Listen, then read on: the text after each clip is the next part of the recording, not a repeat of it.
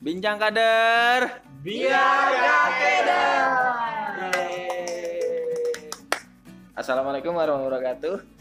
Kembali lagi dengan saya, da- saya sebagai Zulfikar dari Dewan Dakwah DKI Jakarta. Pikir Saya sebagai juga pasti. Ya udah masa dipotong langsung aja. Iya, dong bener gua. Ya jangan Iya. saya sebagai Zulfikar dong, kan tuh kayak nama lu Zulfikar gitu sih.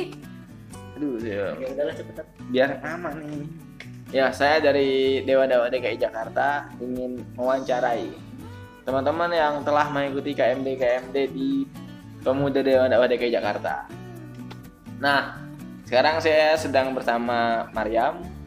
Gak usah dikasih tahu dong. Eh, dia salah satu KMD yang kita akan wawancarai. Coba Kak Mariam silahkan diperkenalkan.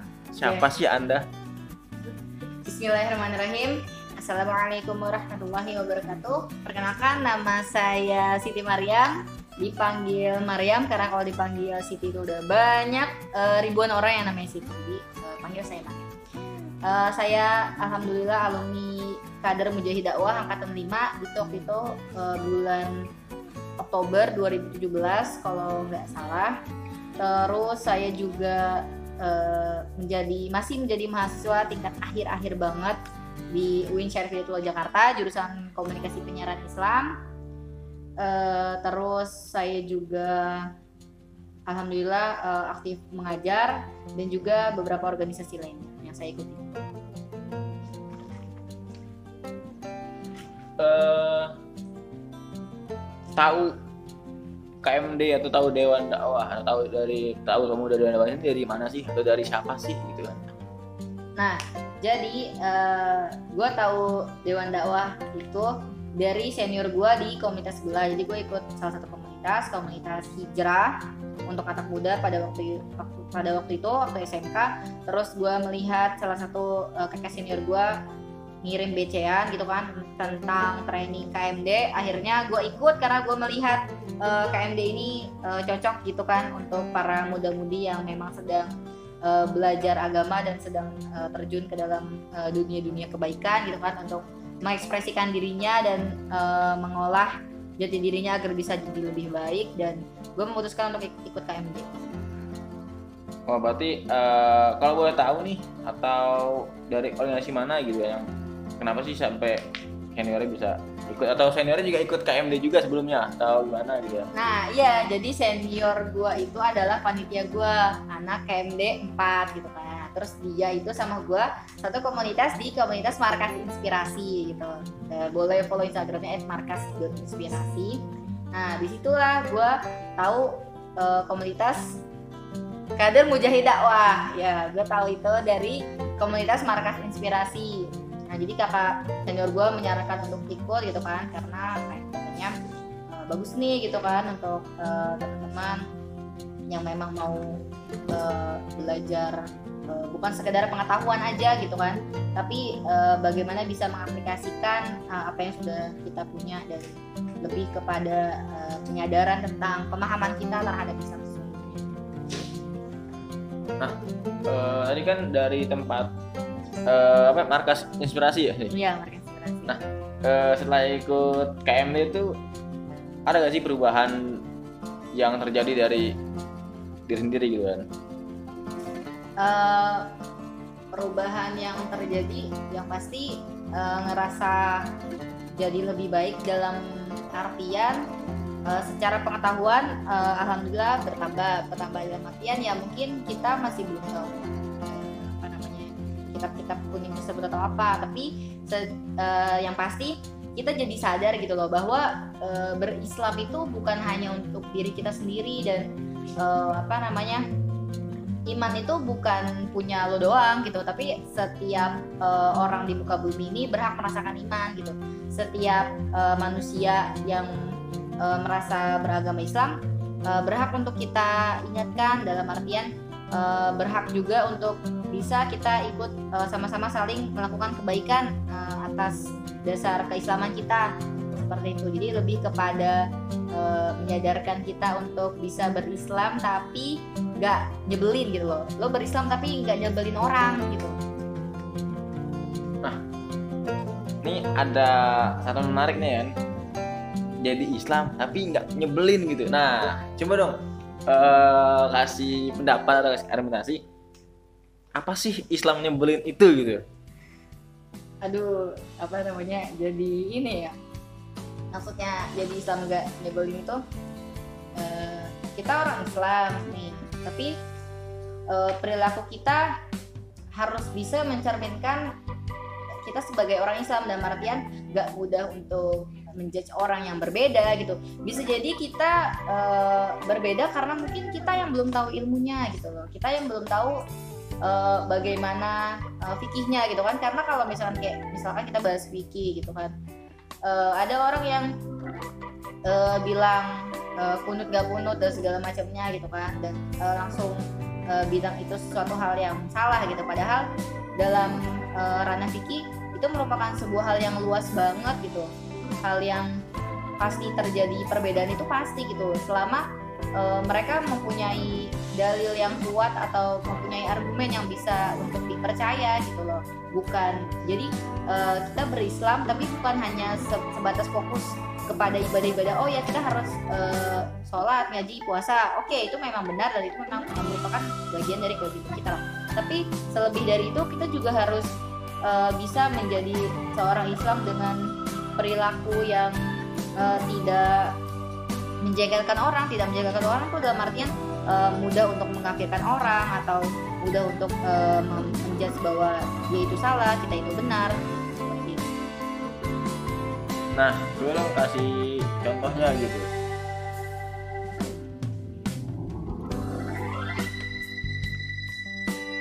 Ini ntar dipotong ya. iya iya pak. Lagi udah bilang Iya contoh contoh di dunia nyata yang pernah dialami yang kafir itu yang mudah ke kafir itu habis ngeliat kejadian apa orang kayak apa yang udah dikafirin.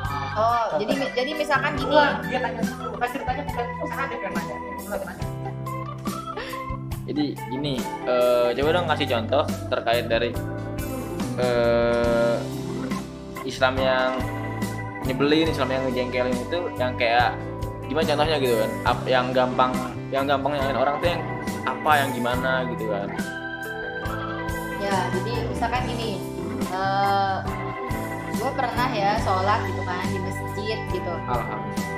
Eh, terus setelah sholat itu dibilangin gitu kan kayak ih eh, sholatnya harus pakai mukena gitu kan. Terus aku kayak perasaan eh, yang dibilang Allah itu menutup aurat dan kalau namanya menutup aurat ya berarti kan kita sudah bisa menghadap Allah gitu kan. Dan di situ posisinya gue udah pakai gamis dan udah pakai kerudung panjang gitu loh yang eh, ya menutup lah gitu kan menutup bagian depan atau maupun bagian belakang. Dan menurut gua itu udah menutup aurat dengan sempurna gitu kan. makanya gue sholat gak pakai mukena gitu kan. Tapi setelah sholat ternyata gue ditegur gitu kan sama ibu-ibu gitu bahwa eh, sholatnya harus pakai mukena gitu. Seperti itu contohnya. Eh, ya pernah gue alami. Mungkin lebih kepada apa ya, seperti tadi perbedaan-perbedaan eh, pendapat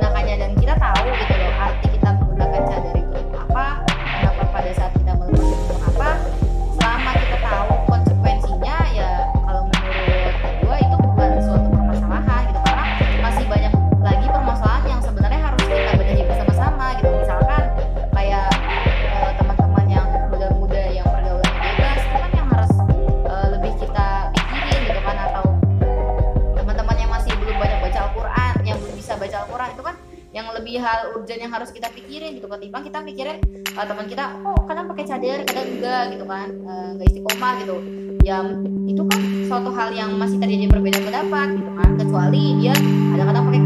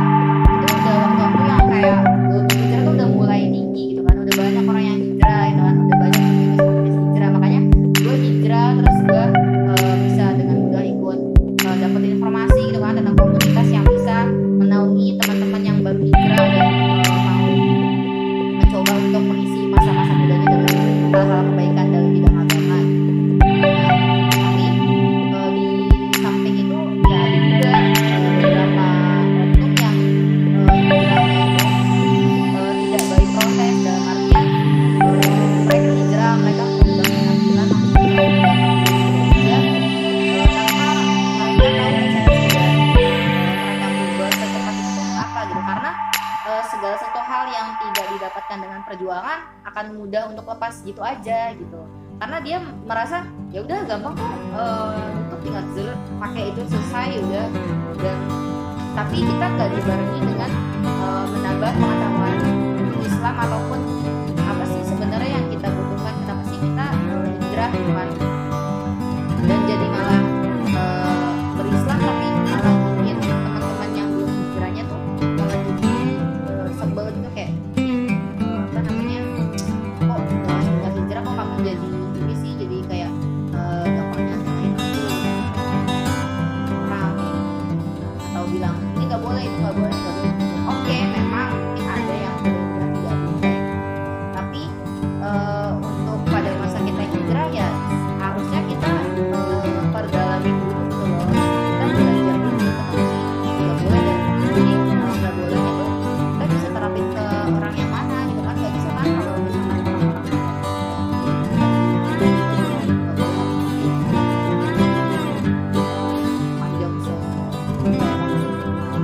sendiri pun uh, eh, berproses gitu untuk pada sampai tahap eh, untuk orang yang menurut gue udah cukup ini. Karena kalau misalkan udah proses pun ya mungkin kita uh, dengan mudah bisa meninggalkan apa yang sudah kita perjuangkan pada hari ini. Tapi kalau misalnya kita proses pelan-pelan merubah pelan-pelan terus juga ditambah dengan kita uh, belajar Islam menambah sampel Islamian itu ditambah masuk ke uh, diputuskan untuk teman-temannya indra gitu. maka ketika kita sudah naik uh, tingkat atau sudah berprestasi sendiri merasa bisa dan bisa untuk uh, mengajak teman-teman yang lain kita tidak menjadi uh, aktivis yang memaksa gitu loh